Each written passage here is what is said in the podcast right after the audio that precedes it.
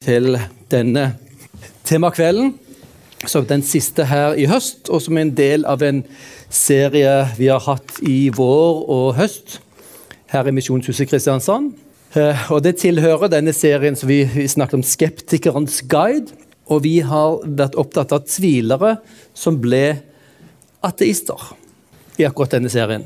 Eh, det er jo slik at eh, det moderne Vesten i veldig stor grad har vært stedet for framveksten og spredningen av ateisme.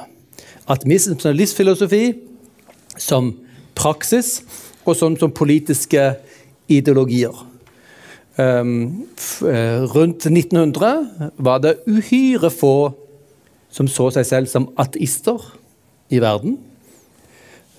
Etter 100 år, rundt år 2000, så var det et veldig veldig svært antall av verdens mennesker som ble regnet på et eller annet vis som ateister. Kanskje det livssynet som har vokst mest på de 100 årene, eh, i hvert fall prosentvis av hvordan det var fra starten. Eh, og det er jo også slik at eh, veldig mange av disse, disse banebrytende ateistene var jo faktisk europeere. Alle de vi har tatt for oss, Karl Marx, Sigmund Freud, Friedrich Nietzsche og nå eh, Jean-Paul Sartre er europeere. Vokste opp i en kontekst av et Europa som hadde sterke religiøse røtter. Um, og um, de fleste av de vokste opp i familier med en viss religiøs tilknytning, om ikke alltid så, så bevisst. Men disse ble ateister. Talsmenn, veld, veldig verbale uttalte talsmenn for ateismen. Og en av uh, noen av kildene til den globale kanskje populariteten og spredningen av ateismen i, det, det moderne, i den moderne verden. Vi har vært opptatt av å prøve å forstå hva som har skjedd. og Forstå disse menneskene, for å kjenne deres historie. Det er ikke bare troende mennesker som har en historie, som har en vei til tro. Det er også ateister som har en vei til en ny tro. Det er en av de tingene som jeg tenker er en av de viktigste tingene her. Ateisme er ikke en ikke-tro. Det er en annen tro enn teisme.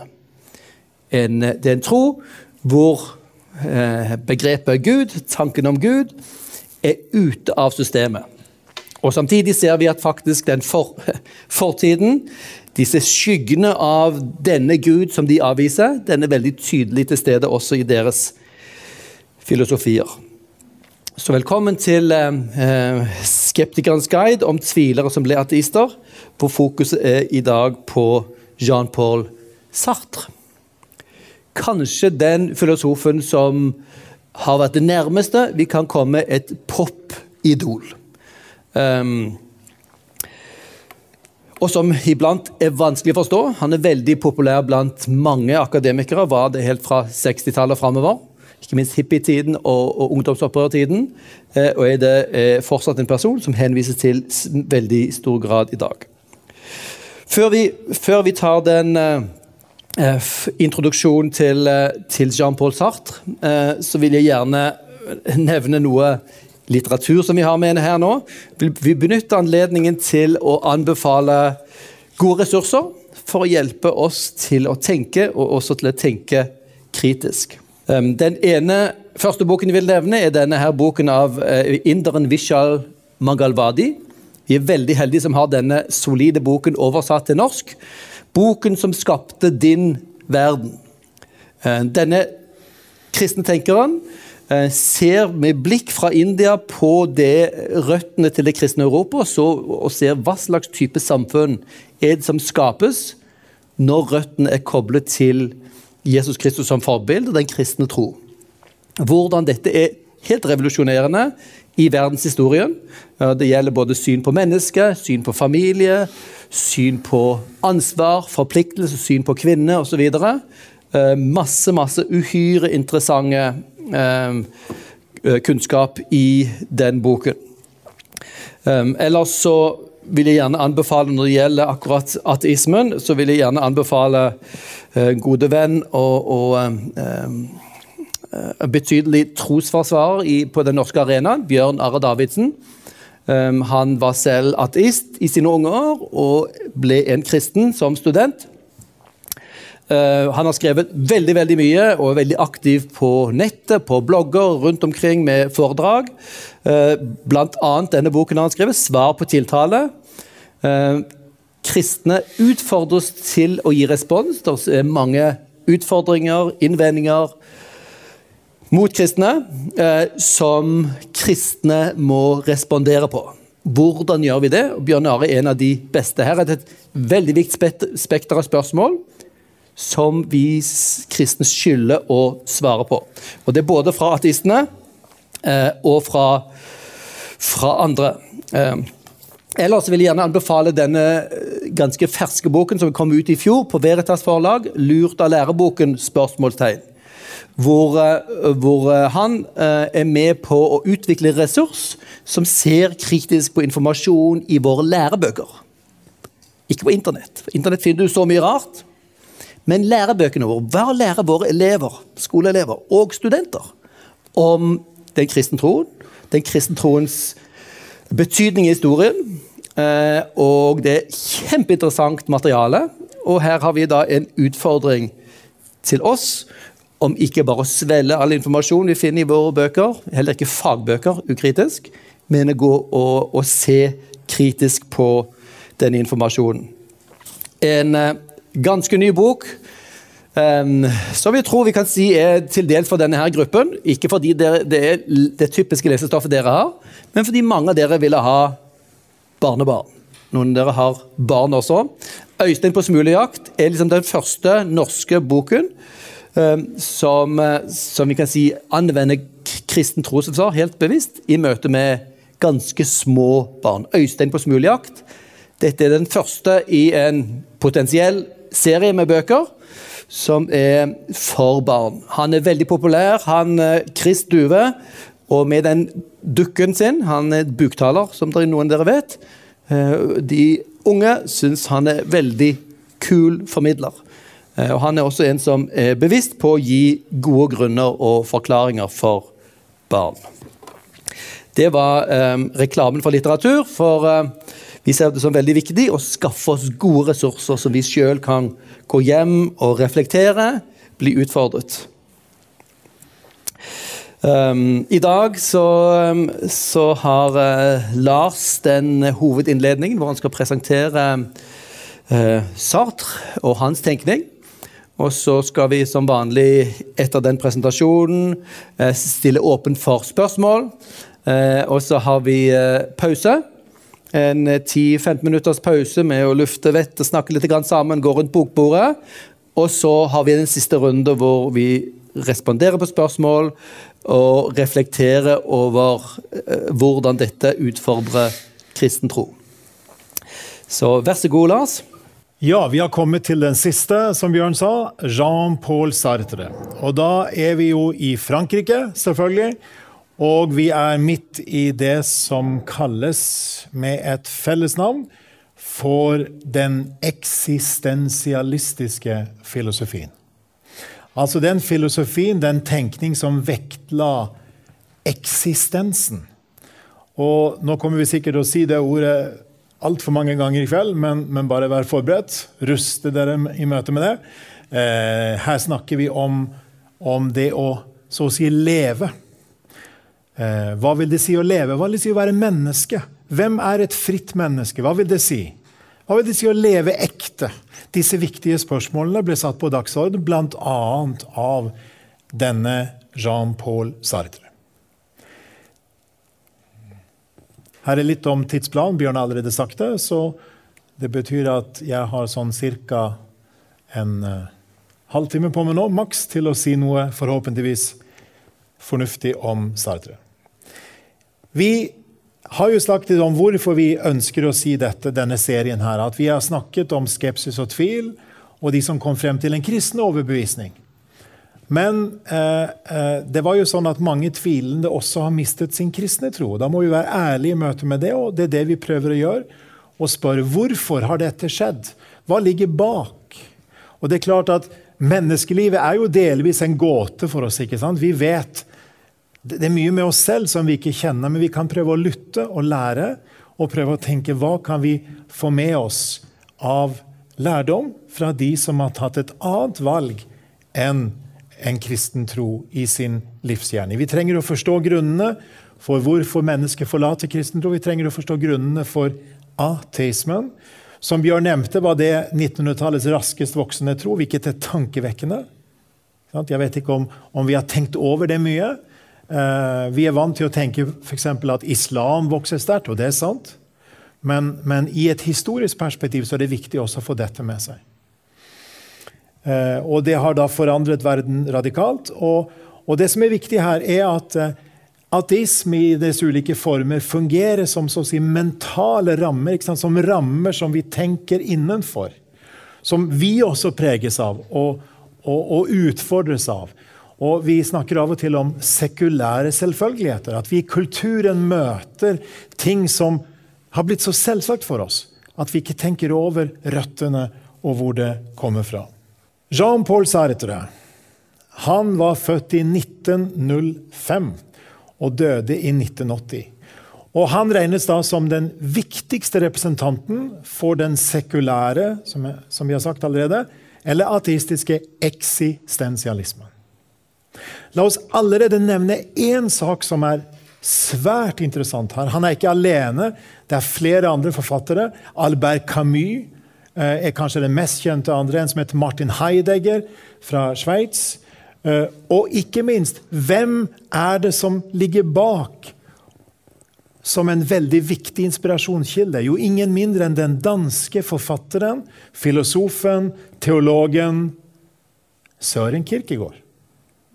Søren Kirkegård var kristen, men hans filosofi var slik at det ga utgangspunkt både for mange kristne tenkeres, teologers, forfatteres eh, Eh, eh, arbeid med livsspørsmål, men også mange sekulære. Og de da som Sartre, denne gruppen som Sartre tilhører, den plukket opp arven så å si fra, fra Kirkegård, men innenfor en ateistisk ramme. Han er meget kjent. Eh, I dag opptrer han i hvert fall på sånne pensumlister ikke sant? på, på eh, høyskole, universiteter osv. Eh, hvis dere går til, til ulike typer bibliotek, sant, og, og så, så, så, er det Han har skrevet ufattelig mye. Han eh, var forfatter som spente veldig vidt. Eh, alt ifra mer filosofiske bøker til skjønnlitterære bøker, til skuespill, til drev sitt eget tidsskrift. Alt dette kommer vi tilbake til. En veldig stor innflytelse. Og jeg tror det er riktig å si på mange måter preget han en hel samtid på ulike måter. Eh, han, han, har satt spor, han har stor innflytelse. Eh, jeg leste her at eh, en, blant de som i dag er inspirert av han, har vi f.eks. musikkgruppa Pink Floyd. Eh, de regner seg Det er litt av deres røtter. Ikke det eneste, men noe av det. Eh, noen av dere kanskje kjenner til eh, Eh, han, den, den, jødiske filmskaperen Woody Allen. Eh, New York sant, eh, har nesten regissert én film hvert år de siste 20-30 årene. Og en av hans absolutt mest sentrale inspirasjonskilder er Jean-Paul Sartre. Så der ser vi at det Én ting er den direkte innflytelsen, men det andre er den indirekte. De tankene som ligger. Og hva slags tanker er det? Det må vi prøve å sette litt ord på. Vi finner altså mange ulike spor etter Sartre også i dag. Men hvem var så Sartre? Vi merker spenn, ikke sant? 1905. Et, selvfølgelig et tragisk år i Nordens historie, var ikke det, når Sverige overga Norge. Eh, til 1980, eh, da vi, vi eh, møter faktisk en veldig tankevekkende situasjon i Paris ved hans begravelse så sies det at 50 000 mennesker fulgte han i gatene. Ikke sant? Bjørn nevnte det. En slags ikon. ikke sant? Altså, han må ha betydd mye for mange mennesker. Og hvorfor gjorde han det? Det er det vi skal prøve å lytte oss inn til. Hva er det som preger, preget hans tanker? Men først litt om hans livsløp. Hvem var han egentlig? Dere kommer å se at det er en kvinne som opptrer ved hans side nokså ofte. Vi kommer tilbake til denne kvinnen. 1905 født i Paris, og hans livsløp er på en måte Paris og Frankrike hele veien. Eh, og, og, han eh, var eh, lærer i en periode, og etter at han Etter at han vokste opp hos sin bestefar, så Hans far døde tidlig, og han vokste opp sammen med sin bestefar, men det ble et brudd der. Og vi merker som relasjonene var ikke gode i den nærmeste familien. Han fikk en eliteutdanning. Eh, kom, det var en kombinert protestantisk-katolsk bakgrunn. Og det virker som han allerede i tenårene tok avstand fra sin kristne tro. Og hvor dypt den troen var, det er vel ikke helt enkelt å vite. Men vi ser da at han begynte å livnære seg som lærer, hvilket sikkert var, var en, eh, en grei måte å få få seg en livnæring på, ikke sant? få seg næring, fordi han hadde denne gode utdannelsen fra eliteskolene i Paris. Men fra 1944 og livet ut er han fri skribent. Altså, han kan livnære seg på sitt forfatterskap. Det sier litt om hvor mye han skrev. For det er, ikke, det er, det er ikke noen, noen, noen særlig eh, sant, eh, lukrativ business å, å, være forfatter, som regel. ikke sant? Men han skrev så mye og så bredt og engasjerte seg dypt. Og i 1944, ikke sant, bare for å ta det, så er vi jo midt under en annen verdenskrig. Og, og vi kjenner sikkert litt av historien at eh, Frankrike var, ble okkupert ikke sant, av, av Nazi-Tyskland. Og han var aktivt med i motstandsbevegelsen. Han begynte da å søke seg til miljøer av felles forfattere men også miljøer som var preget av marxisme. Han lot seg inspirere av Karl Marx. Og så fortsetter denne politiske, aktive holdningen. Eh, hele etterkrigstiden så er han sentral i protestene mot etablissementet, så å si, mot maktstrukturene. Og spiller en sentral rolle, ikke minst, som også Bjørn nevnte, sentral rolle i møte med, eller i løpet av studentopprøret på 60-tallet ble en, en, en, en, symbolfigur, symbolskikkelse. En veldig interessant eh, moment her. I 1964 fikk han eh, tildelt Nobelprisen i litteratur, men nektet å ta imot den. Han sa at han ville ikke som forfatter bli en institusjon. Hvis han tok imot den, så følte han at han ville bli fanget. Han ville miste friheten som forfatter. Han ville beholde friheten. Og frihet er et svært sentralt begrep hos Sartre, som vi kommer tilbake til. Han blir kalt mot slutten av sitt liv Vestens, Vestens intellektuelle samvittighet.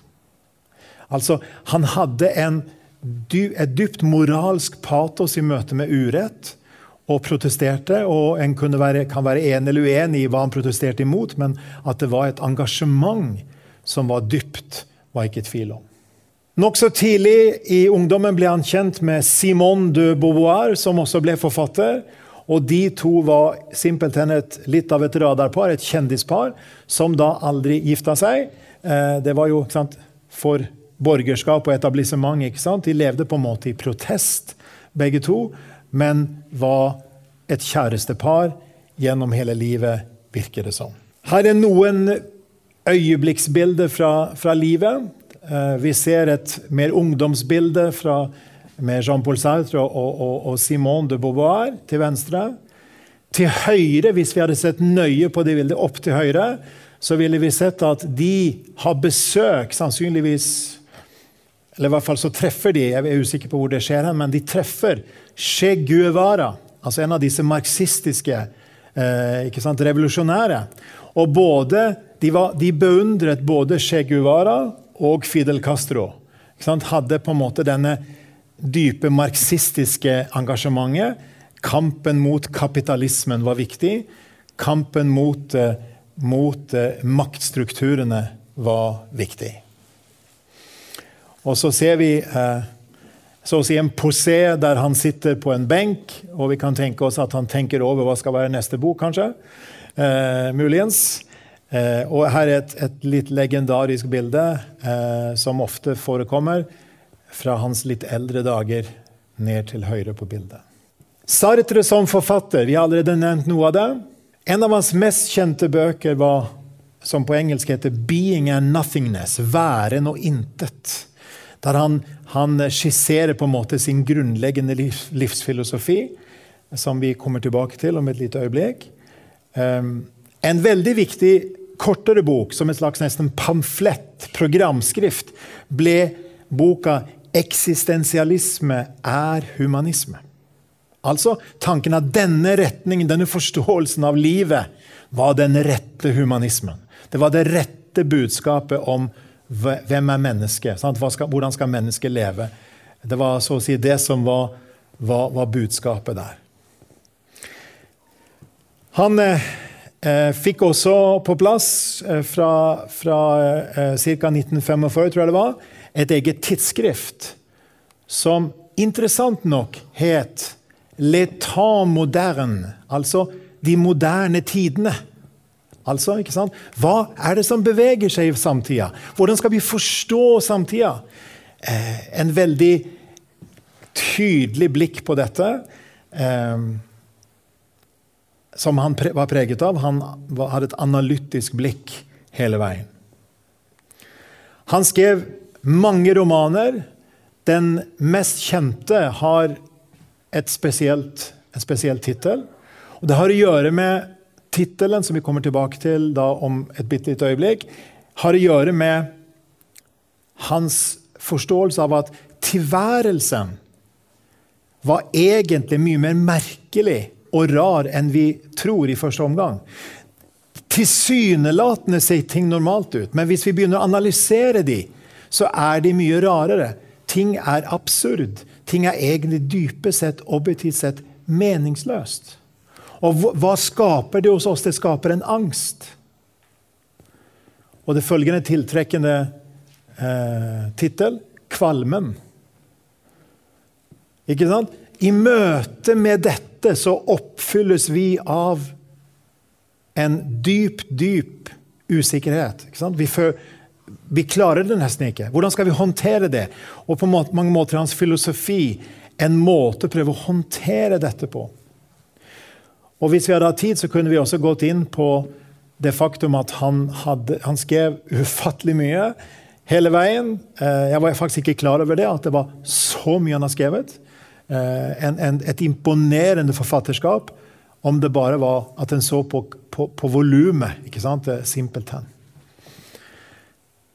Så her finner vi altså en forfatter som har beveget seg på tvers av mange sjangre, og som har en bærende tankegang i det han ønsker å formidle om eksistensen. Hva vil det si å være menneske? Og La oss prøve å sette ord på noen av hans hovedtanker. Hva er egentlig Sartres hovedtanker? Hvor, hvor skal vi begynne hen? Det er interessant tror jeg, at eh, når en leser om dette og ser på både hva han selv skriver og hva andre skriver om han, så dukker det veldig ofte opp som første utgangspunkt Gud er død. Altså tankegangen om at enten har Gud aldri eksistert, eller har mennesket trodd at Gud eksisterte, men nå har en gitt opp den tanken. Eller så er det en slags tanke om en metafysisk eller sånn merkelig tanke om at Gud levde en gang og, og, og, og har dødd. I hvert fall så er det sånn at hvis Gud ikke er der, så finnes det ingen som gir livet mening objektivt sett. Det fins ikke fra, fra før vi ble født, er det ingen som gir oss på en måte For å sitere en boktittel eh, 'Manus for livet'. Ikke sant? Det er ingen som gir oss 'dette er livet', sånn er livet. Og den tanken om at det finnes noe som, som er der, kan vi kalle essensen. Okay? Så essensen er på en måte at det finnes noe som vi så å si tar imot som noe som er der. Og dersom Gud ikke var død, så ville det vært en essens ikke sant, som var før vår eksistens. Men, sier Sartre, det motsatte tilfellet. Det fins ingenting for oss. Så underforstått vi er overlatt til oss selv. Vi må selv skape noe her. Så ser dere hvor grunnleggende tankegangen er om at det ikke finnes noen som har gitt oss absolutt mening, absolutt mål, ikke sant? som har åpenbart noe. Og Vi kommer tilbake i relasjon til kristen tro etter pausen, som Bjørn sa. Det andre her har sammenheng med dette. At tilværelsen er merkeligere enn vi tror. Og han har eh, noen sånne dramatiske eksempler, egentlig. At, eh, la oss tenke oss at eh, du sitter og spiser middag. Eh, og så begynner du å tenke over. Du sitter kanskje med en god venn eller en ektefelle eller et søsken. eller noe, Så begynner du å tenke over hva egentlig er det vi holder på med. Spiser vi dyr? Sitter vi ved en tre, noe som er liksom lagd av plastikk eller tre? eller Så tar vi disse her verk sant, og spiser med hva Dette ser ut som et våpen. ikke sant? Altså, Er det noen mening i dette her? Eller er det bare, er det bare meningsløst? Altså Når vi ser på det egentlig, hva gir det mening? Når vi, når vi på en måte ikke tar konvensjonene, tradisjonene, tar det vi tar for gitt, men hvis vi går bak på en måte det som det ser ut som, er det da mening? Er det da noe vi kan være glad for, eller må vi egentlig bare kjempe med en tanke om at sant, Fylles vi kanskje med kvalme i møte med dette? Ville han tenkt. ikke sant? Hvis vi skjønner hva dette dypest sett er, tenker han. Han har mange eksempler på, på den type måte å tenke på. Så egentlig fordi det ikke finnes noen som har gitt oss som har et manus for livet, så er tilværelsen meningsløs. Absurd. Det er merkeligere enn vi tror, det vi ser rundt oss. En kan jo si dette er kanskje ikke den mest positive livsfilosofien dere har vært borti. Det kan godt være. Men mange mennesker kjenner på, hvis de har forlatt Gud, ikke sant? en følelse av forlatthet. En følelse av at det er ikke noe der. Og det er en ærlighet der også ikke sant, som vi må merke oss. Hvis det er sånn, livet er slik, så er vi dømt til å være absolutt frie. Okay? Mennesker har ingen grenser. Vi er overlatt til oss selv, og vi er frie. Det er hans tankegang. Så er det sånn at i livet så dukker det opp en rekke ting som gjør at vi kan, tende, vi kan, ha en tendens til å tilsløre dette her. Okay? Så selv om vi er absolutt frie, så kan vi dekke oss bak en sånn falsk tro, kaller han. Bad faith. Så vi kan komme til å tro at det finnes en objektiv mening. Eller komme til å tro at vår frihet er fanget Sant? Sammenlign Nobelprisen sant? og ikke ta imot den. Han ville, si, han ville, kanskje følt at han ble fanget i et system, i en institusjon. Sant? I noe som begrenset hans frihet. Og så sier han at vi En ting vi ofte gjør, er at vi begrenser livet til å være rollene vi har. Rollene som ektefelle, som mor, som ulike typer roller. ikke sant? Yrkesrollen vi har. Er det oss? Og igjen, så Han er veldig flink å skildre. Han skildrer en, en uh, kelner som går rundt og serverer. Og denne kelneren er overdrevet kelneraktig, hvis det fins noe som heter det. Han liksom er, er, om å gjøre å serve liksom, Vet ikke hvor godt han kan gjøre gjestene. Og la oss si at han heter Simon. Så Simon slutter å være Simon og blir bare kelner. Ikke sant? Han blir fanget i rollen sin. Han blir på en måte bare rollen sin. Det er et annet eksempel på falsk tro, der en tildekker friheten. En begrenser seg.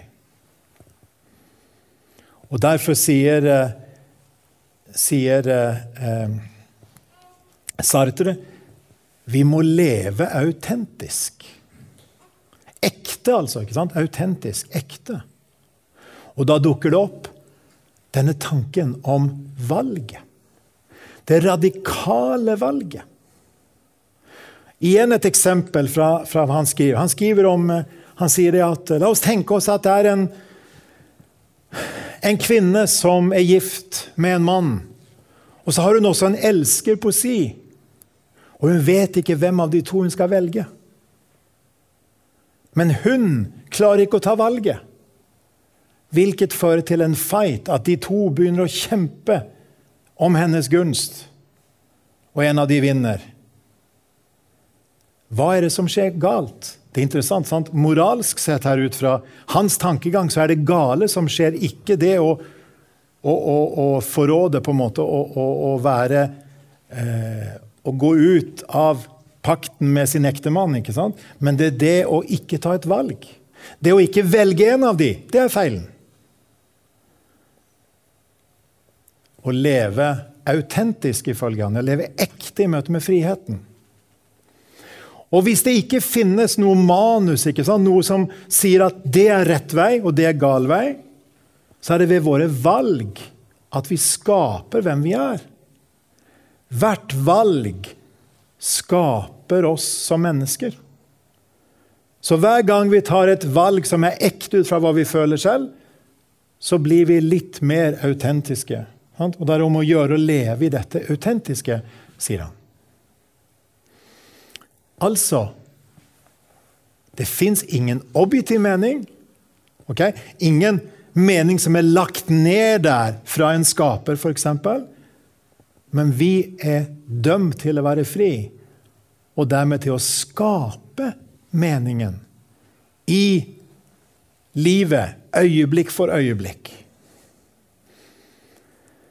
Så dette er altså en kombinasjon av en veldig skal vi si eh, pessimistisk livsfilosofi om at livet ikke har noen objektiv mening, med en veldig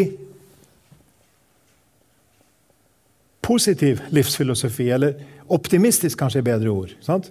Livsfilosofi om at vi kan skape oss mening. Ingen mening egentlig, men vi skaper oss mening. Og Da vil jeg si at innholdet i valgene våre er ikke avgjørende, men at vi velger. Så vi blir autentiske når vi velger. Så la oss bare et øyeblikk eh, se på disse fem punktene igjen. Det grunnleggende er at Gud er død. Det fins ingen som har gitt et manus for livet, for å bruke det uttrykket. Når vi ser ærlig på tilværelsen, er den merkeligere enn vi tror. Mer absurd enn vi tror. Mye mer meningsløs enn vi tror. Samling bilde av, av middagsgjesten ikke sant? og middagen som, som spises, så en begynner å lure på hva er det egentlig hva holder den på med. Vi er dømt til å være frie. Vi er altså absolutt frie, hvilket er en gave men hvis en begynner å tenke etter, så kan det være en veldig stor byrde som legges også på menneskers skuldre med, med, med, en sånn tankegang. Vi må avsløre alle måter som tildekker friheten, som begrenser friheten. Og så praktiserer vi denne friheten ved å ta radikale valg. Og ved å le, da lever vi autentisk. Dette skjønner vi, var et budskap som mange på en eller annen måte kjente dette talte til de. Dette talte, Det var noe med livsfølelsen, med følelsen av sant? Hvis en først har forlatt tanken om Gud, sant? først har kastet det over bord, hva skal en da gjøre? Dette var en måte å tilby en slags meningsopplevelse uten Gud.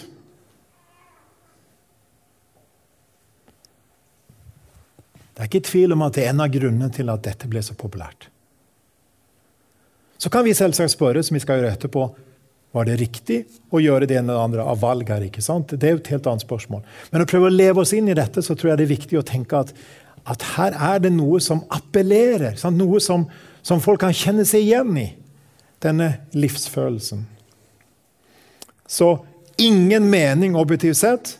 Vi skaper meningen subjektivt. Og da spiller altså han tydelig på, på eh, Eh, på Kirkegård sine tankegang her. What's on your mind, Jean-Paul? Nothing. ok. Liksom litt sånn halvironisk eh, eh, tegning som sier litt om, om Tilbake til, til eh, tanken sant, fra Nietzsche om at det ikke finnes mening i noen ting Okay, og jeg kan lure på hva han pønsket på som ung, sant? og hva, hva som lå der av tanker som, som etter hvert dukket opp hos han. Da tror jeg vi avrunder presentasjonen der, og så åpner vi for noen spørsmål. Her har vi eh, første spørsmål. Ja, altså, En syns det at dere hopper litt over Heidegger, for det er jo han som nesten er forutsetningen for SART Sartre. Og så syns jeg jo egentlig at Sartre er så spesielt, må en si, mye av dette her. For han sitter jo for så vidt og observerer der på den restauranten. Og gjør nærmest litt, lager litt ironi av denne kelneren. Men uh, jeg vet ikke Jeg syns det er veldig spesielt mye av dette her. Av hans syn, altså. Mm -hmm. så, men, men, jeg savner veldig at han kunne godt ha hatt en forelesning om Heidegger. Fordi han har så utrolig mye å si for, og, han, og for Sartre. Mm -hmm. Og jeg var faktisk et kort opphold i Frankrike, og jeg kan huske madame der. Hun, hun rista litt på hodet og sa at Nei, det måtte være en annen filosof som var bedre, sa hun. Så. Nei, for Heidegger har jo dette med den overfladiske eksistensen og mye av det samme. Angsten og de sorg og, kasteteten ut i livet. Så jeg savner veldig det, altså. Takk, takk. Det kan jeg ta neste gang. Kan jeg ja. Fenomenologien som ja. uh, mm, Det er et svær ting og interessant ting. Um, takk for, takk for uh, et, så, så, det som altså her kom frem som en takk for det, som en viktig refleksjon, var, var at vi også må, må, tenke på en av de bakgrunnsskikkelsene bak Sartre her, nemlig Martin Heidegger og hans tenkning. Eh, jeg nevnte han så vidt bare, eh, og kan bare utfylle lite grann. Etter eh, pausen. Etter pausen, ja. Takk. ja. Det hadde vært interessant å høre litt mer om linken til Søren Kirkegård. Som du har nevnt eh, kort, men eh, vi har liksom et litt annet bilde av han, og ikke den linken til Sartre. Det kommer vi tilbake til, og mens du venter på neste spørsmål, så, så bare si at det interessante da er at så vidt forskjellige, så totalt forskjellige personer som sant, Sartre og f.eks. Carl Fredrik Wisløff plukker opp Kirkegård med full tilslutning. Og hvis ikke alle vet hvem Carl Fredrik Wisløff var, så var han en betydelig eh, kristenleder, eh, professor ved Menighetsfakultetet og svært aktiv i, i, i eh, ikke minst Misjonssambandet. Ja. Eh, ja, takk for uh, den første biten av opplegget. Jeg syns det er spennende. En gud er død. Hvilken gud er det som er død eh, av eh, Sart? Fordi at eh, hvis jeg kaller Gud noe annet, så kan jo stille seg spørsmål om hans Gud da var det absolutte valget. At det var hans høyeste autoritet, f.eks. Eller, eller det autentiske livet. Ja, det, det er, mulig det er noe i, i nærheten eller i, i, området fra siste spørsmål. Men jeg har allikevel et spørsmål som på en måte går for hele serien her. Tvilere som ble ateister. Eh, jeg holdt på å si jeg forstår de som blir agnostikere, men jeg forstår ikke de som blir ateister. Eh, disse, eh, Sartre og, og, disse eh, er det liksom Er de tydelige på at det, er ateismen en, en, en, de daler ned på, eller har de en forståelse for at det, det må kanskje være noe her som har satt i gang det hele, eller som styrer det hele? Eh, det var et sånt eh, overordna spørsmål. Og så har jeg et spørsmål til som går mer på Sartre. For jeg oppfatter ut ifra det jeg har hørt og ellers eh, snappa opp, så, så blir det liksom han, han, Det blir liksom litt sånn absurd og litt sånn meningsløst, det hele. Eh, du skal ta noen valg, ja, men det er liksom litt absurd, og osv. Så, videre. så lurer jeg på Ble han møtt med eh, noen som utfordrer han. Jeg mener, Det er jo alltid de som har forlatt, som ikke har en kristen tro, og som mener at de har, eh, har en etisk og moralsk eh, basis eh, og sånt. Altså, De havner jo ikke i det absurde. Ble han utfordra noe på dette den gangen? Kan jo ikke si annet enn at dette er jo veldig gode spørsmål fra folk. alle sammen. Det er jo bare, Jeg er så imponert. ja. Vi har bare så få minutter til å forberede svar.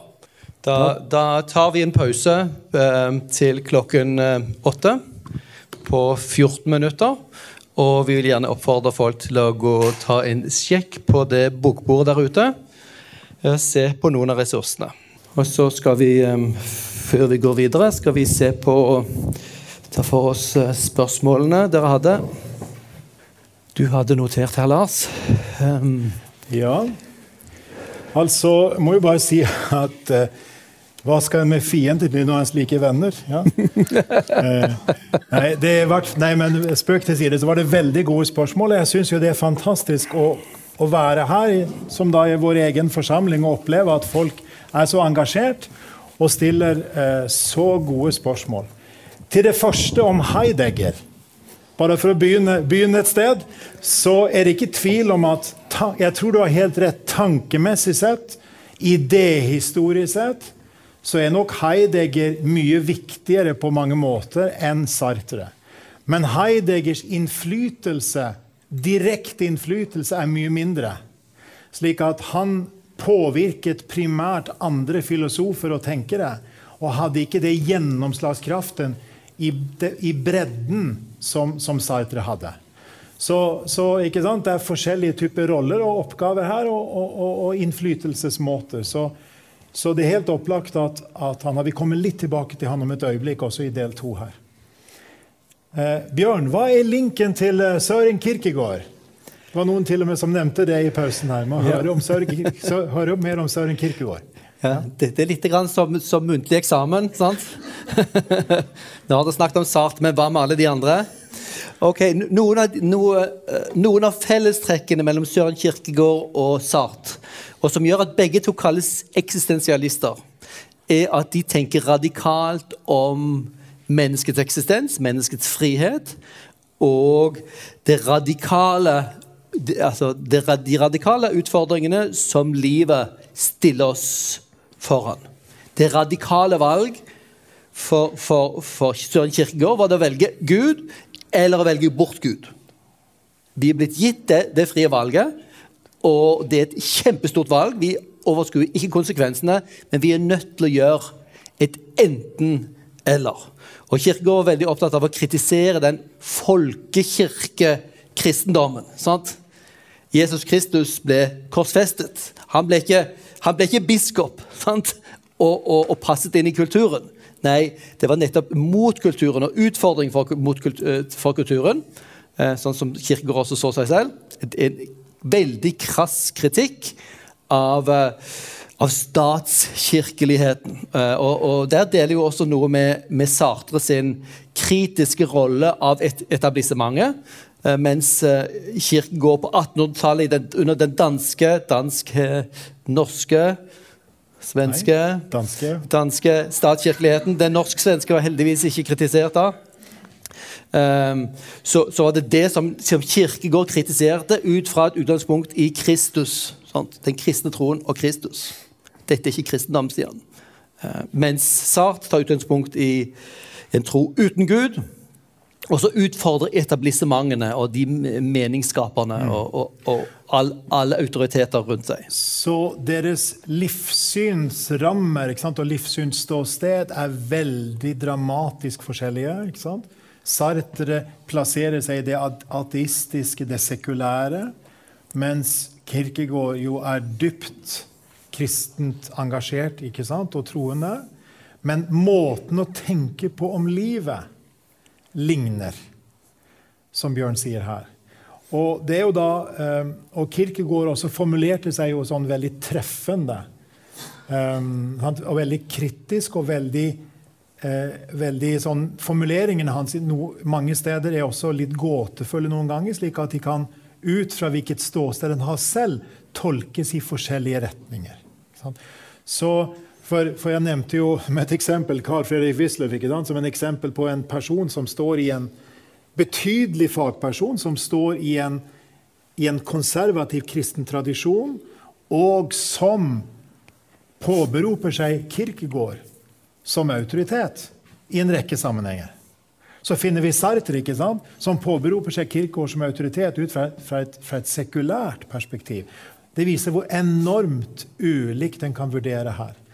Eh, en av de som var sterkest kritisk mot Kirkegård av kristne forfattere, var eh, Labris grunnlegger Francis Schaefer, som vi har hatt en kveld her, her om tidligere en gang.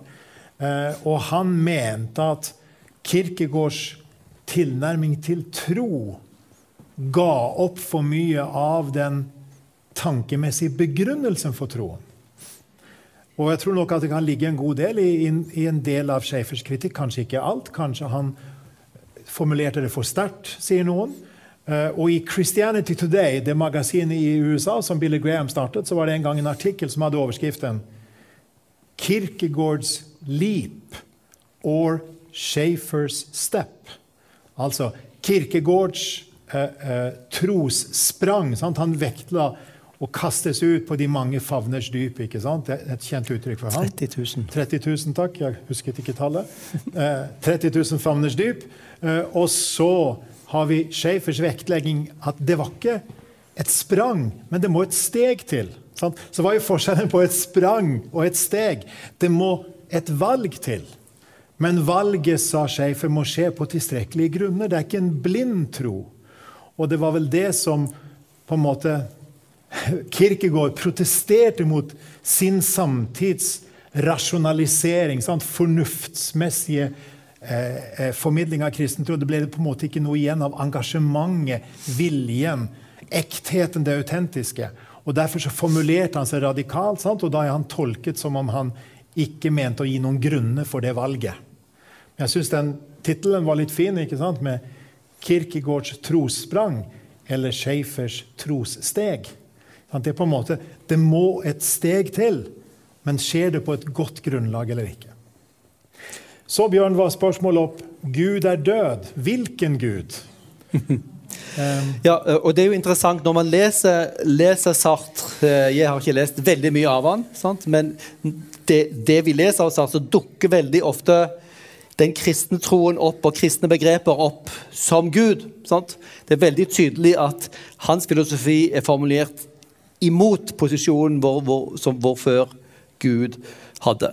Eh, og, og, eh, du kan jo stille ja, og jeg, jeg tror hvis, hvis, begrepet ateisme skal ha noen mening, altså et filosofisk system Det er mange ulike system som kan være ateistiske, men filosofiske system som regner med eh, uh, at Gud ikke finnes, så tror jeg Sart må regnes til dem. Men, men, det er veldig relevant spørsmål ja, hvilken Gud var det han ikke tror på. For her ser du veldig tydelig ok, hva slags type Gud er det vi må se for oss, som er den som, hvis han eksisterer, gir mening til alt. Odin, Thor, Apollos, Sevs Ingen av de gir mening til liv og hele universet og menneskelivet. sant? Det er kun den kristne, jødisk-kristne monotoismen, hvor du har en som er skaper av alle ting. Fordi han er skaper, så er det han som former og definerer og gir mening til sitt skaperverk. Ikke sant? Og det er fordi du, du, tar vekk det elementet av han som har ment noe, han som har intendert noe. Sant?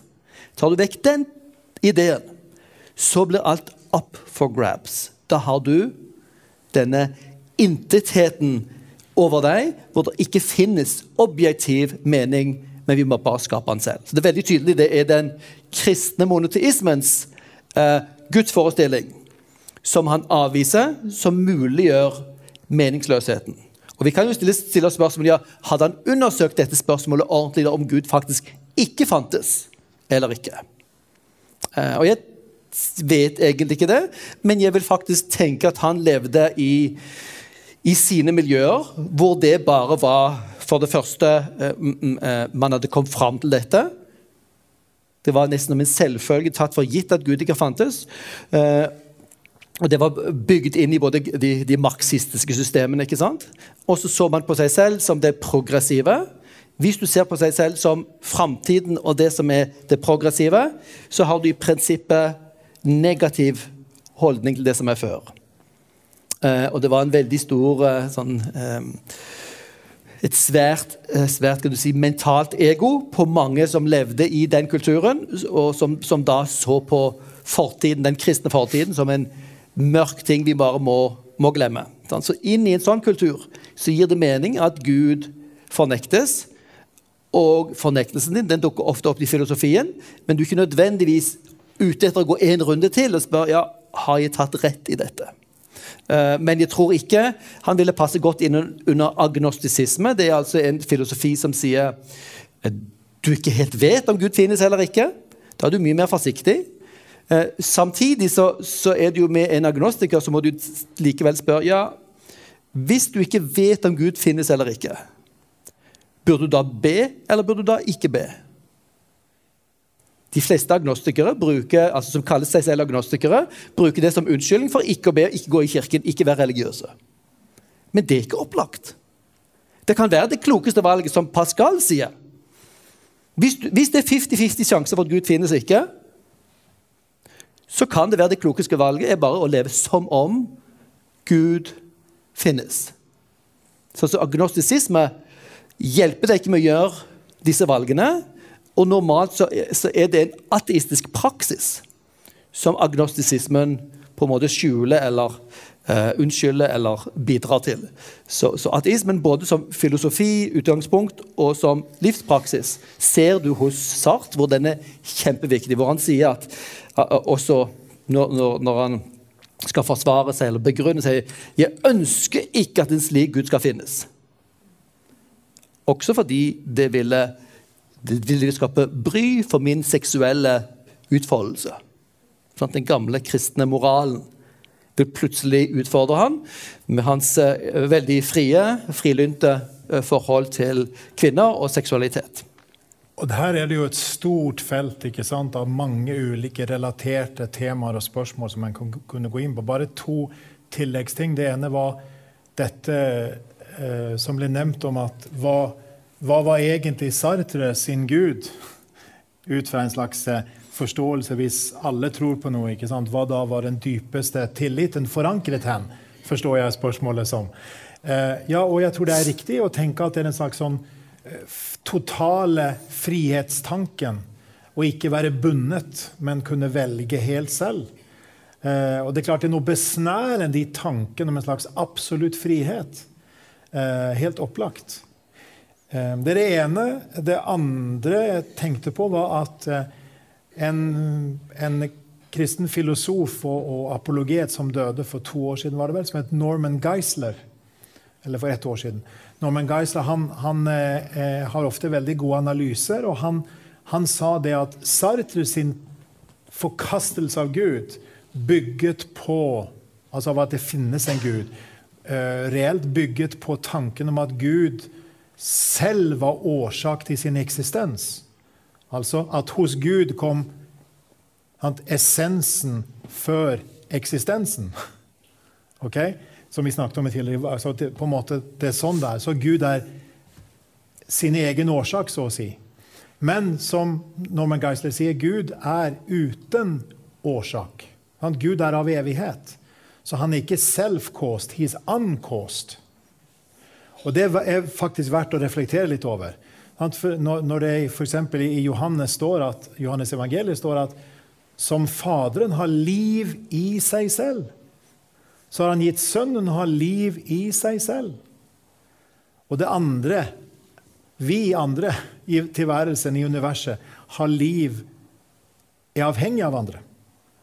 Men Gud er da seg selv. Nok det som på engelsk kalles assiety. At Gud er eh, den han er. Jeg er. ikke sant?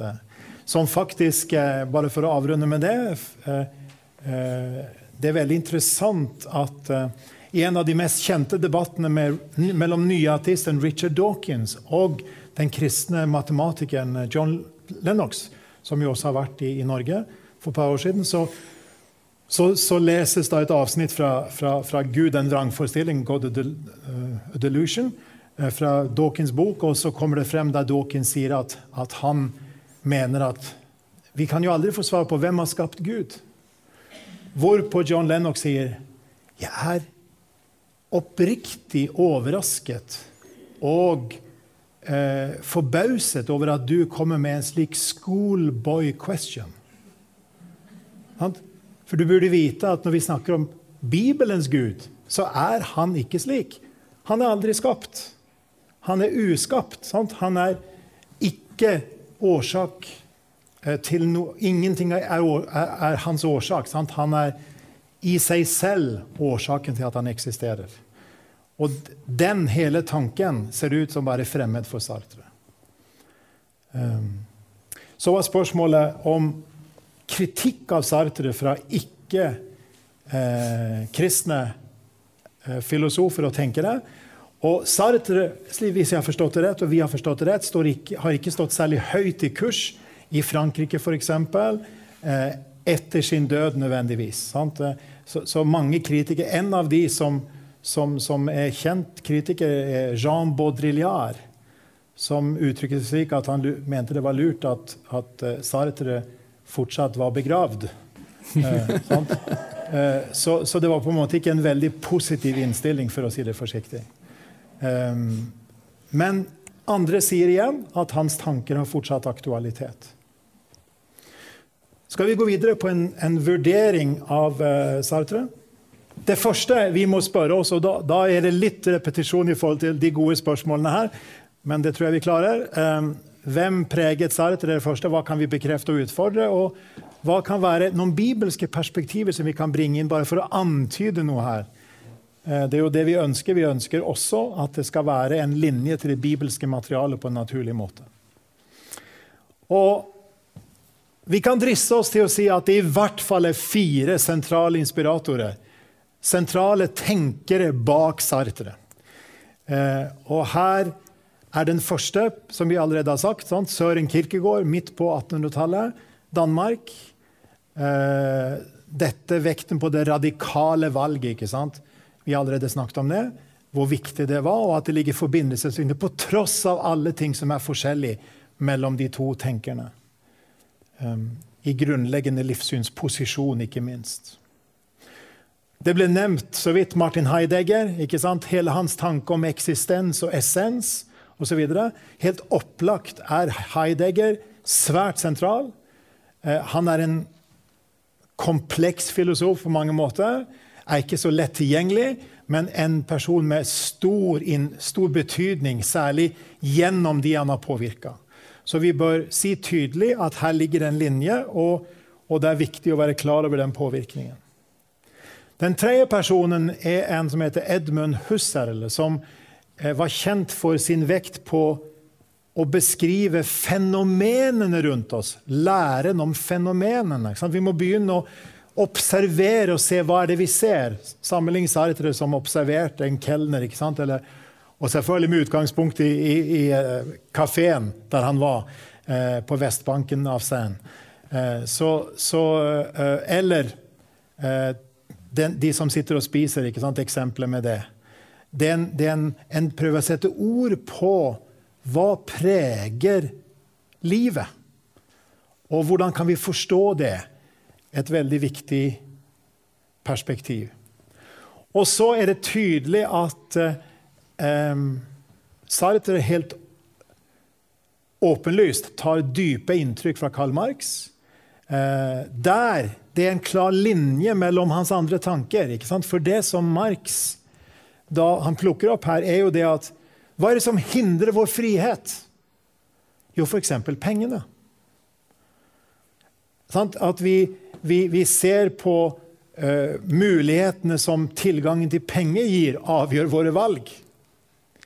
Uh, og Derfor så er kapitalismen egentlig en hindring for oss til å realisere vår frihet. Og Da er det på en måte den viktigste linjen her i denne tanken. Så disse kan være mer eller mindre kjent for oss, kanskje, men, men vi ser at Sartre står i en sammenheng her.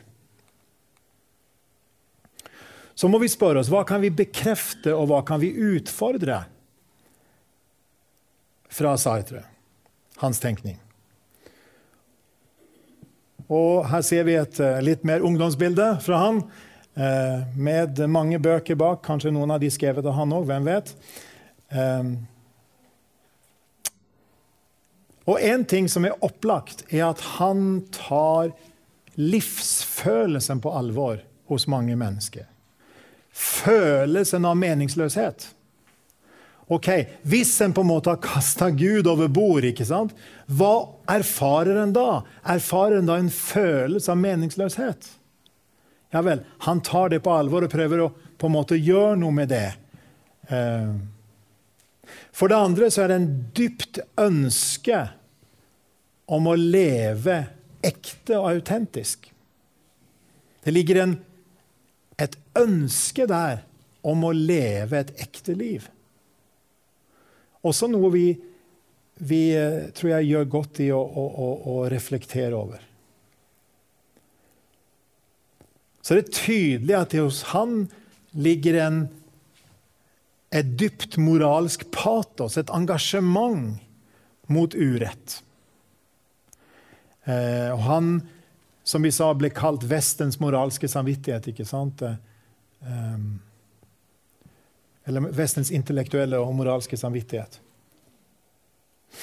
Og I forbindelse med det så er det noe vi skal merke oss om Frankrike og Frankrikes historie. Vi kjenner sikkert til alle sammen at den franske revolusjonen, ikke sant, 1789 eh, osv., var et tidsskille i Frankrike. Og dette En av de tingene som, som, som er, er, verdt å tenke over, er at den offisielle kirken var veldig nært knyttet til kongehuset. Slik at kirken ble oppfattet som noen som legitimerte undertrykkelsen. ikke sant? Legitimerte de sosiale forskjellene. Så en snakket eh, sant, om, om uh, uttrykket var eh, l'ancien regime, altså the ancient regime.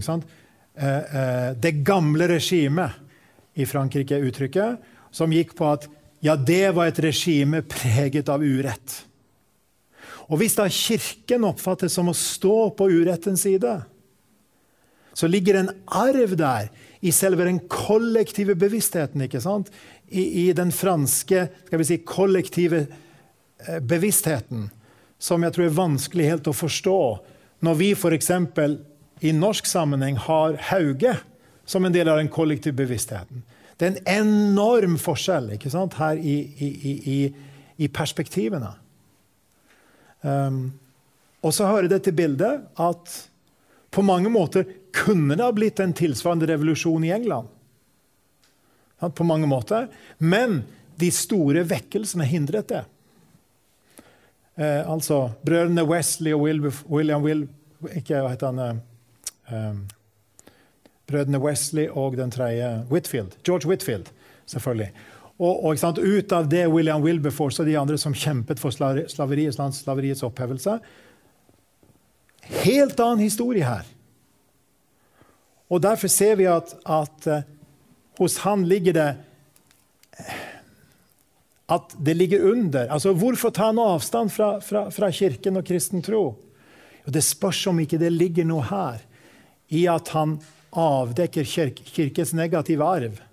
Både i forhold til manglende eh, profetisk stemme mot sosial urett og begrensningen av friheten sant, for mennesker. Jeg må si, jeg husker når, når vi var første gang eh, når jeg var første gang og så Versailles vet om noen av dere har vært og sett Versailles. Sånn, praktfullt vakkert. Men samtidig må jeg innrømme jeg med, gikk med en sånn følelse av, av beklemthet.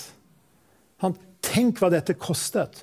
Og hvordan levde vanlige mennesker i Frankrike? Som, nest, som ikke hadde, hadde, mat på bordet. ikke sant? Også kirken, da, som forsvarte etablissementet. Ser dere, Her ligger det tror jeg, noe som, som, som vi må forstå som en del av, av hele kulturen. Og ikke rart at de intellektuelle, sant? intelligensiaen, kultureliten i Frankrike Den siste, som de ville den siste instans de ville oppsøkt, var Kirken å, som alliansepartner i, i, i, kampen mot urett. Slik en på en måte må forstå dette så å si innenfra, tror jeg. Skal vi så bevege oss i retning av utfordre Her har vi allerede vært inne på noe av det, men bare for å si det. Det første er det som Bjørn og jeg sa i stad. Det er en feilaktig kritikk av Gud og av troen på Gud. Kan, det kan ramme andre måter å tenke om Gud på enn det som er en kristent, et jødisk kristent, et bibelsk helhetlig perspektiv.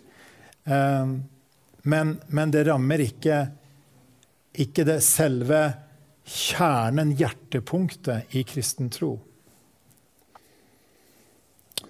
Det andre som er tankevekkende her og Vi har allerede nevnt Francis Schaefer. og Han, han uh, må huske det at Labri-bevegelsen, uh, særlig det første Labri-senteret som ble starta i, i sveitsiske Alpene, hadde sin kanskje Eh, skal vi si, glansperiode midt under 60-tallet. Fordi det ble oppfatta som et sted dit folk kunne komme, søkere kunne komme. Det var åpne dører. Og folk hadde gitt opp kirken ellers. Så kom det et sted der de kunne bli tatt på alvor. Ærlige svar på ærlige spørsmål. Og, og Schaefer var veldig sterk, og de andre, på denne innlevelsen som vi har prøvd også å, å, å, å gjøre i disse kveldene. Sant? Hvorfor havna folk der de havna? Hva var grunnene til det? Og samtidig så var han ikke redd for å utfordre. Og En av de tingene som kommer tydelig frem i hans, eh, både hans muntlige og hans skriftlige formidling om uh, Sartre, og han, han jobba mye med dette, fordi dette var 60-tallet, var midt under Sartres mest kjente uh, og mest aktive fase, var ja, Sartre protesterte mot urett. F.eks. protesterte mot kolonialmakten Frankrike sine handlinger i, i eh, Algerie, ikke sant, f.eks. Eh, veldig mye debatt rundt det i Frankrike på, på 50-60-tallet. Men hva var grunnlaget for å protestere på det? Én ting var at, at, det var en moralsk patos som på en måte lå der. ikke sant? Men hvilket moralsk, etisk grunnlag hadde Sartre egentlig for å kritisere andre moralsk? Hvis alle mennesker er frie. På hvilken måte kunne han da så å si invadere andre menneskers område og si noe om deres valg? Og Schaefer påviste at her er det et moralsk patos, men det fins ingen moralske retningslinjer. Det fins ikke noe grunnlag for å si at det er rett og det er galt. En tankevekkende kritikk, egentlig som, som, både tar på alvor patosen, engasjementet. At her er det en protest mot noe. Men hvorfor er den der, og hva er begrunnelsen for det? Det er så å si smuldrer opp mellom fingrene når en begynner å se nærmere på det. Så er jo eh, opplagt eh, Sartre veldig opptatt av menneskets situasjon. Vår livssituasjon, vår eksistens. Hva vil det si å leve som menneske? Hva vil det si å leve ekte som menneske? Hva vil det si å leve i de radikale valgene? Men fra et kristent perspektiv, et, et, et sånn helhetlig kristent perspektiv må vi jo spørre om analysen av menneskets situasjon og den løsningen som tilbys, er radikal nok. Og da, i det bibelske perspektivet, er jo synden en realitet. I Sartre sitt system, om du vil, så er det på en måte ikke noen plass til verken reell synd og heller ikke syndenes tilgivelse. Ikke til frelse og nåde. Så vi ser sant, at på en måte Gud er kastet ut. Og da er også løsningen å kvitte seg med den eneste i universet som kan løse problemene. Hvilket jo selvfølgelig egentlig er dypt alvorlig når vi begynner å reflektere over det på den måten. Så vi må spørre oss er analysen av løsningen på menneskets situasjon radikal nok. Nei, det er ikke det i et bibelsk kristent perspektiv. Og nå har vi enda ikke snakket om egentlig alle de gode grunnene som finnes til å tro på positivt på Bibelens Gud Jesus. Sant? Bibelens Gud, Bibelens Jesus. Hvorfor tro på Nytestamentets evangelier? Hvorfor tro på Bibelens Jesus som ordet som var ved skaperen, skap, skapelsen, som, som, ga mening til alt. Som, som, er den som i seg sammenholder alt. Bare tenk på det, da. Kolossebrevet, er det ikke det? Sammenholder alt. Logos, ordet. Det er, jo, det er jo så dype og store tanker at det må liksom bare stå i undring, syns jeg. Når, når en merker det. Men det er jo på en måte det bibelske. ikke sant? Det, ikke, det begynner jo ikke med frelsen begynner heller ikke med synden, men det begynner med det store universet som har en majestetisk, mektig Gud som skaper. Og inn i det perspektivet, med Gud som hellig allmektig, hellig rettferdig, hellig kjærlig, så gir hele frelseshistorien mening. I det bildet så trer Jesus frem som ordet som blir menneske, og som viser hvem Gud er. Johannes 1. Altså fortolker Gud for oss. Så det er helt opplagt at en av de måtene å respondere og svare på eksistensialismen og Sartre, er å spørre har du sett på Jesus som den som viser hvem Gud er. I rammen av hele bildet.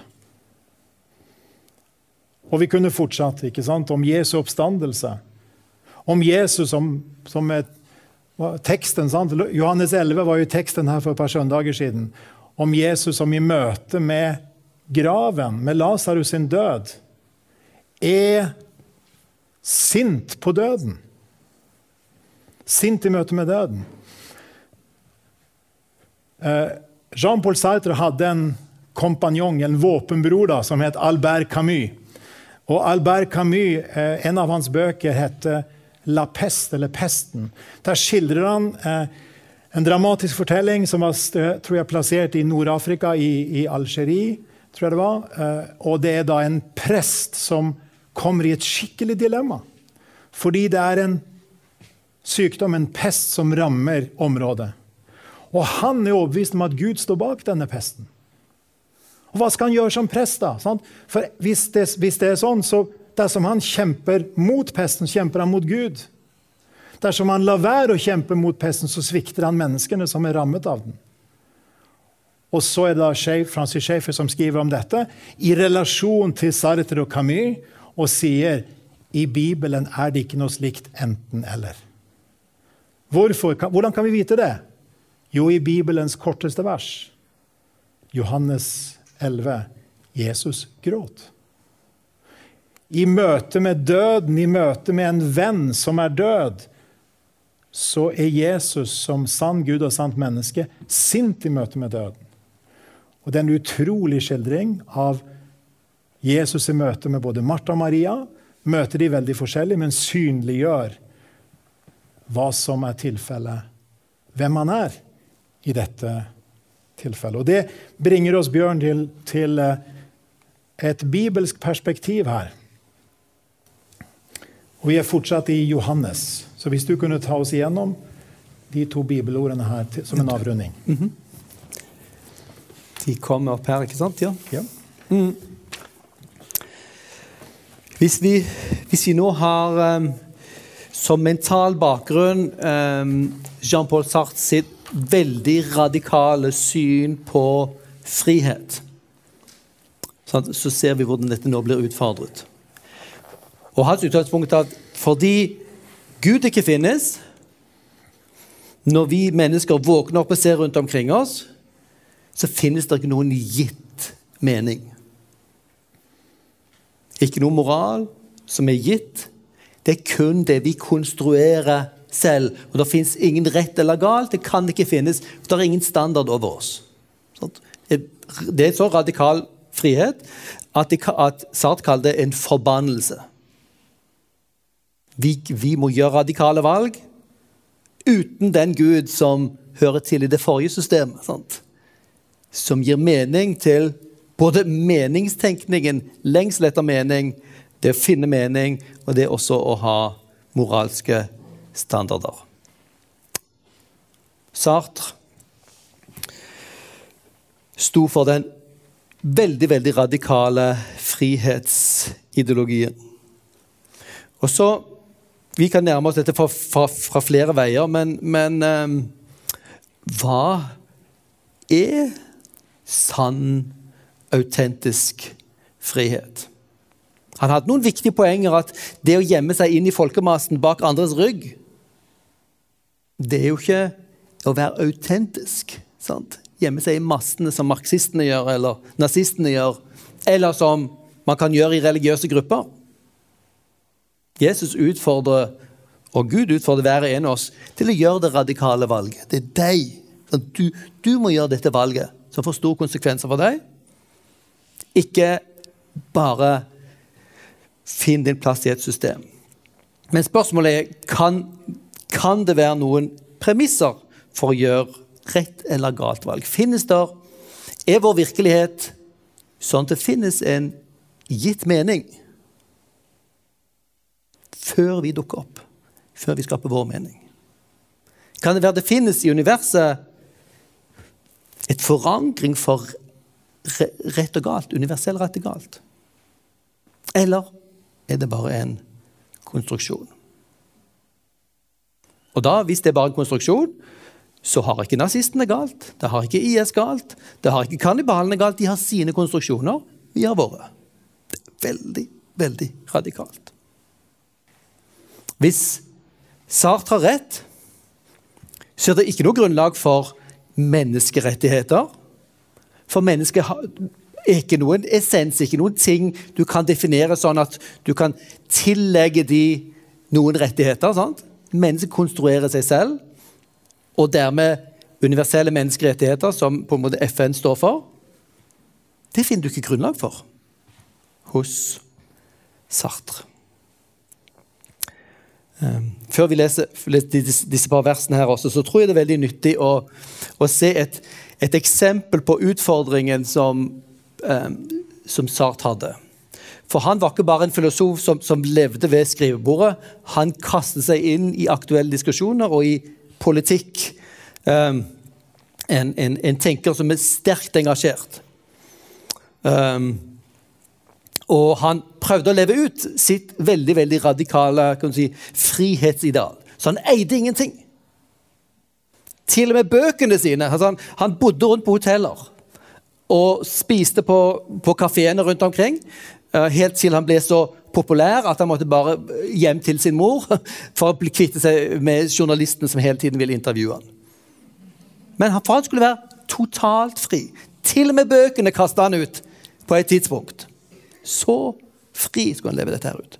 Og så skulle han anvende dette også i relasjoner. Sånn? Simon Beauvoir, hans fremste kjæreste, samboer, skal jeg kalle elskerinne, gjennom et langt liv. Um, for at hans frihetsideal skulle virkeliggjøres, så måtte jo hun tilpasse seg dette. Nemlig han må være fri til å elske henne, men også andre. At hun var helt komfortabel med det, det er ikke nødvendigvis gitt. Men hun levde også et sånn fritt liv, som vi også kunne kanskje sagt, sagt noe om, men ikke nødvendigvis det som gjør en lykkelig. Og, eh, og eh, så, det, så, er det noen som har intervjuet noen av disse kvinnene rundt Sart. For, fordi man skulle ha den friheten, måtte ikke la seg binde, da blir det uekte. Hvordan håndterer du alle disse kvinnene? blir han spurt. Jo, jeg lyver. Problemet med disse kvinnene de spør om ting. Sant? De skal ha samtaler. Og for at det skal fungere, for at ikke du skal da få fiender, det er trøbbel, sant? så lyver han. Ja, men hva med Simone, da? Simone de Bois, din, din spesielle ledsager gjennom hele livet? Jeg lyver mest av alt til henne. Så for at hans frihet skulle virkeliggjøres, så måtte andre gi slitt. Det hadde en pris for andre. Og det hadde en pris også i forhold til hans evne til å kunne være sannferdig og autentisk der. ikke sant? Eh, og det er jo interessant hvordan, hvordan ateismen så nært går sammen med den moderne seksuelle revolusjonen. Det er mer enn bare en intellektuell tiltrekning til ateismen. Det er også den livsstilstiltrekningen. Hvis jeg forlater kristne, de kristne rammene, så er jeg fri til å leve akkurat som jeg vil. Og Det var hippiebevegelsen som gjorde, og vi vet noe av prisen for den. Sånt. I bølgene? I, etter hippie, hippie og opprørstiden vet vi har hatt enorme sosiale og personlige kostnader. Det som begynte med så fint og fritt, viser den fri, friheten, var det et problem med. Med andre ord, for å vite hva sann frihet er, så må du vite litt om hva mennesket er. Hva vi er skapt for. Hva er det som gjør at vi faktisk fungerer. Også i relasjoner. Sant? Hva slags type frihet er det som gir rom for kjærlighet? Og da er det jo Jesu utsagn eh, i Johannes 8, 31 og 36. Um, og det er interessant, dette, Nå henvender Jesus seg til sine disipler. Sine elever, sine etterfølgere og fans. Ikke til de som står ut forbi, men til den indre gruppen. Siden Jesus sa til de jødene som var kommet til tro på ham Hvis dere blir i mitt ord, er dere virkelig mine disipler.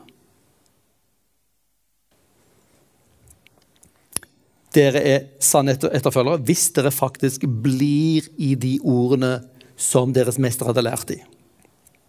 Og så kom følgende For Sønnen frigjort dere, da blir dere virkelig fri.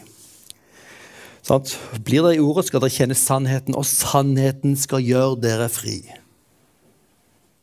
Vår drøm om, vår drøm om frihet, hvis ikke den er styrt av sannhet, så leder den oss ut i ørkenen eller inn i et krasj.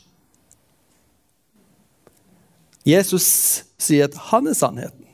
Ikke bare som en idé, ikke bare som en moralkode eller en, en abstrakt påstand, men som en person. Og han er også den personen som vi kjenner oss igjen som menneske. Han er mennesket med stor M. Um, han er den som kan gi oss friheten, han er den som demonstrerer friheten. Og det er interessant det er den radikale tjenesten å være tjener.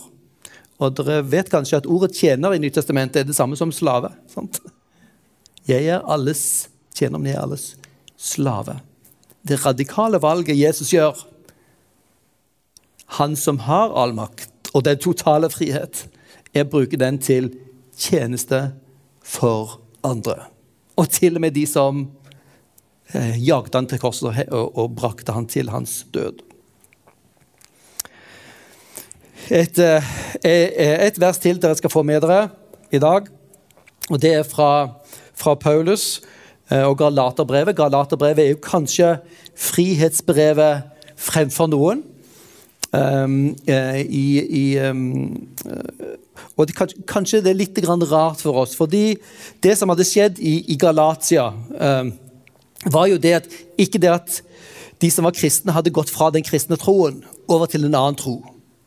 Det var heller ikke det som var i Korint, at de hadde begynt å leve vilt og utskeiende. Det var det at de var blitt mer religiøse.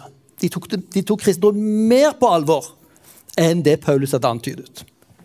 Så ikke bare skulle de tro på Jesus, men de tenkte la oss ta et skritt til. For hvis vi i tillegg holder Moseloven, da vil Gud bli ekstra glad. Og da skulle vi tro Paulus ville klappet. Ja, se her er det endelig noen som forstår det.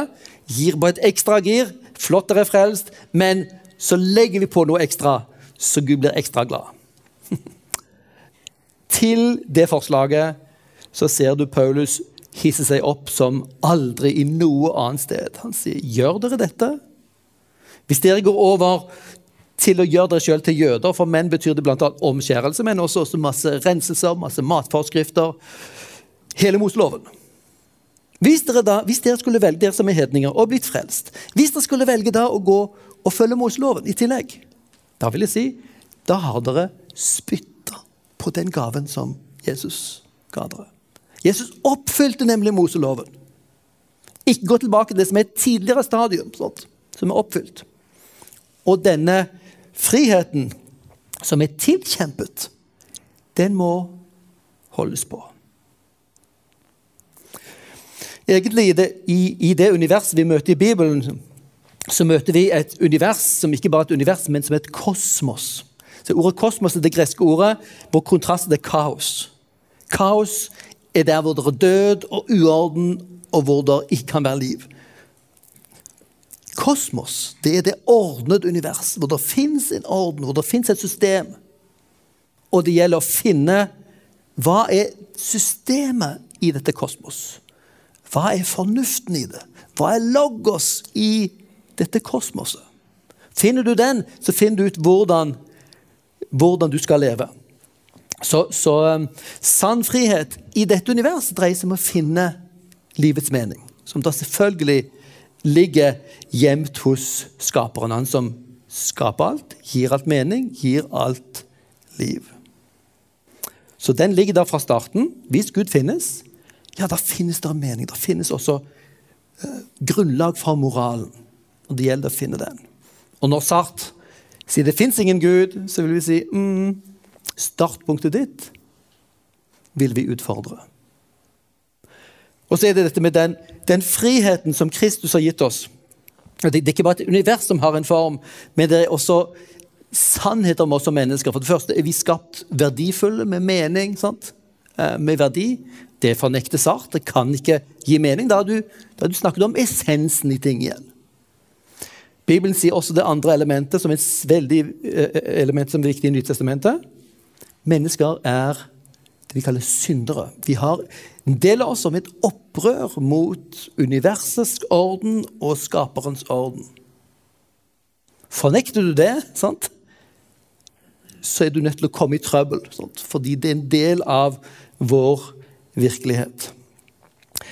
Um, og igjen, hvis, hvis, ikke det er rammene, sant? hvis ikke du tar de rammene for å forstå friheten, så vil din den måten du lever ut friheten på, skade deg eller skade andre. Og Paulus eh, sier det sånn langt ut i, i Galaterbrevet, eh, kapittel 5, vers 1. Til frihet har Kristus frigjort oss. Det er jo sart tema. Det er det vi skal Det er en sentral del av livet. Men friheten er ikke friheten ut i intet. Sant? Det er friheten fra noe helt spesifikt. I, i Paulus sitt univers er det friheten fra loven, Moseloven, og Guds lov, sånn, som dømmer oss, og friheten fra døden, djevelen og verden. Disse maktene som holder oss nede. Disse er virkeligheter. De kommer ikke unna. Så vår egen egoisme møter oss i døren. Sant? Det hjelper ikke å lukke øynene for den. Så når vi er blitt frigjort, så er det en helt spesifikk frihet. En frihet hvor vi finner vår identitet. Du er elsket av Gud. og på tross av ditt opprør, at du saboterer Guds skapervilje, så elsker han deg, har dødd for deg, har frelst deg, og kaller deg inn i relasjon til seg og til å leve det nye livet. Så det er liv tilbake til det vi var skapt til. Det er som om, som om Sart tenker at mennesket er, er, du, du, du, redder fisken ved å dra den opp av vannet. så en fly her, Du være fri til å fly som du vil. Og det er bare døden for det. Sant? Hvis du vet hva du er skapt for, nemlig å leve i relasjon til Gud, dine medmennesker, sant? i harmoni i harmoni med slik Gud har skapt kosmos og ment kosmos, og det han har frelst kosmos til og oss til, så kan du leve. Og så får du også liv. Til frihet, sier Paulus i Galaterne 5.1, til frihet har Kristus frigjort oss. Stå derfor fast og la dere ikke igjen tvinge inn under slaveåket. Velger vi noen veier, så ender vi opp i slaveri. Du er fri til å, til å prøve narkotika. Fantastisk frihet. Går du den veien, så vet vi. Sant? Det er en type frihet som fanger deg. Hva slags type dører gir oss en frihet som gjør oss mer mennesker, ikke reduserer oss? Da er vi avhengig av et syn på virkeligheten som samsvarer med hvordan virkeligheten faktisk er. Og et syn på mennesket som taler sant om hvem vi er som både kan bekrefte vår verdi, og som kan gi en, en retning for livet. Og hos oss er jo eh, Jesus både et, både et bilde på det livet vi skulle leve, han som greide å elske sine medmennesker eh, og gi sitt liv for andre. Han er også han som har betalt prisen for at vi skal få dele hans liv og hans oppstandelse. Også en del av den moralske kraften som dette her gir. For stadig å bli utfordret på vår egoisme, på misbruk av friheten, på vår uærlighet, manglende autentisitet. ikke sant? Da hentes vi inn og bekreftes, og så tilgis vi, og settes vi igjen på, um, på våre, oppå våre føtter for å kunne gå videre med Kristus under Kristus. Og Da tror jeg det er ø, ø, noe å ø, avslutte med, nemlig hvis vi tror på frihet, så trenger vi å vite hva friheten er til. Friheten kan aldri være det største målet. Friheten må være friheten til noe. Og det må være noen som skal være fri. Da må vi vite hvem denne noen er. Og da tenker jeg Er det en ting til her som kan sies til avslutning? Faktisk så er det nærstående, et par nærstående venner av eh, Sartre som mente at Sartre like før sin død kalte på en prest, katolsk prest og kom med en bekjennelse i retning av kristen tro. Og dette skapte så stor toppstyr. Ikke minst eh, Simon de Beauvoir og de andre sant, tok et sterkt sterkt oppgjør og prøvde å dysse dette ned. Men ifølge denne vennen, som var en tidligere maoist, Pierre Victor, så sa han ordrett følgende I do not feel that I am the product of chance. I do not feel I am a speck of dust in the universe, but someone who was expected, prepared, prefigured. In short, a being whom only a creator could put here. And this idea of a creating hand refers to God. Så kanskje, hvis dette er riktig jeg har ingen mulighet, Vi har ingen mulighet til å, til å si at dette er riktig, men når det er så tydelig på en måte formuleringer fra en nærstående venn, og det var tydeligvis om å gjøre å dysse dette ned, så ser vi at kanskje var det noe der. Kanskje var det ikke en absolutt ateisme her, men en, en underliggende agnostisisme som dukket opp. Og i møte med døden så var dette noe som ikke sant? og refererer til at jeg, jeg føler ikke at jeg er produkt av tilfeldighet. Bare et støv i universet. Men faktisk noen som var forberedt og ventet på. Og det peker i retning av en skaper. Bare en skaper kunne, kunne gi en sånn mulighet. Skaperens hånd snakker han om.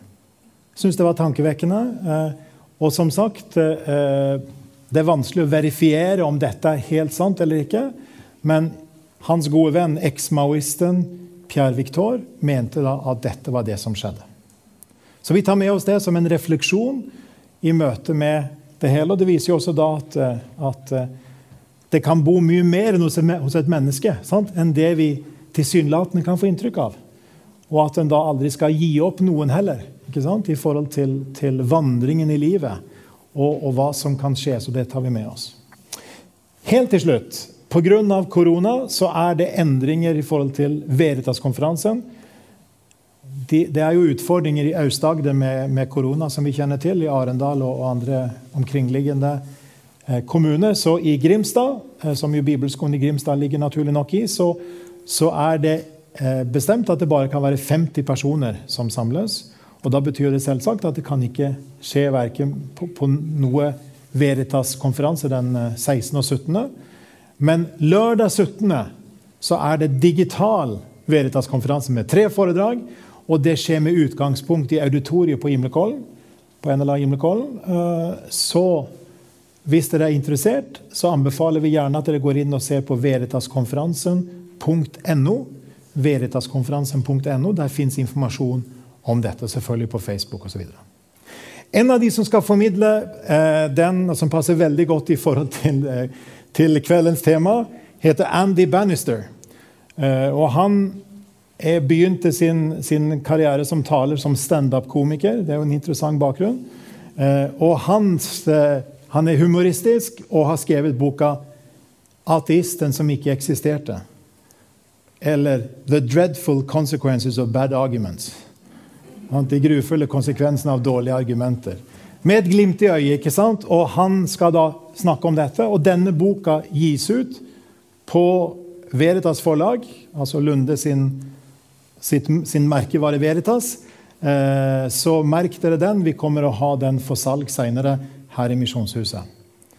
Og Med det sier vi takk for i kveld, og vi Takk for alle gode spørsmål og alle, alle gode blikk eh, som dere har sendt oppover. Til våren så kommer vi tilbake. Kanskje blir det ikke Heidegger, muligens, men eh, vi har lurt på om det kanskje skal, snakke, skal begynne på 'Skeptikerens guide til vitenskapen'. muligens, For det er noe som vi ikke har snakket så mye om. Og det er et utrolig aktuelt tema. Ikke bare naturvitenskap, men hele bredden av det hele. Og Da spiller selvfølgelig mange tenkere en rolle i bakgrunnen for det. Eh, men vi tror det kan være viktig, eh, og mange som er opptatt av de spørsmålene. Så det er i hvert fall en mulig plan per dags dato. Men det kommer vi tilbake til. Så takk for i kveld, og vel hjem.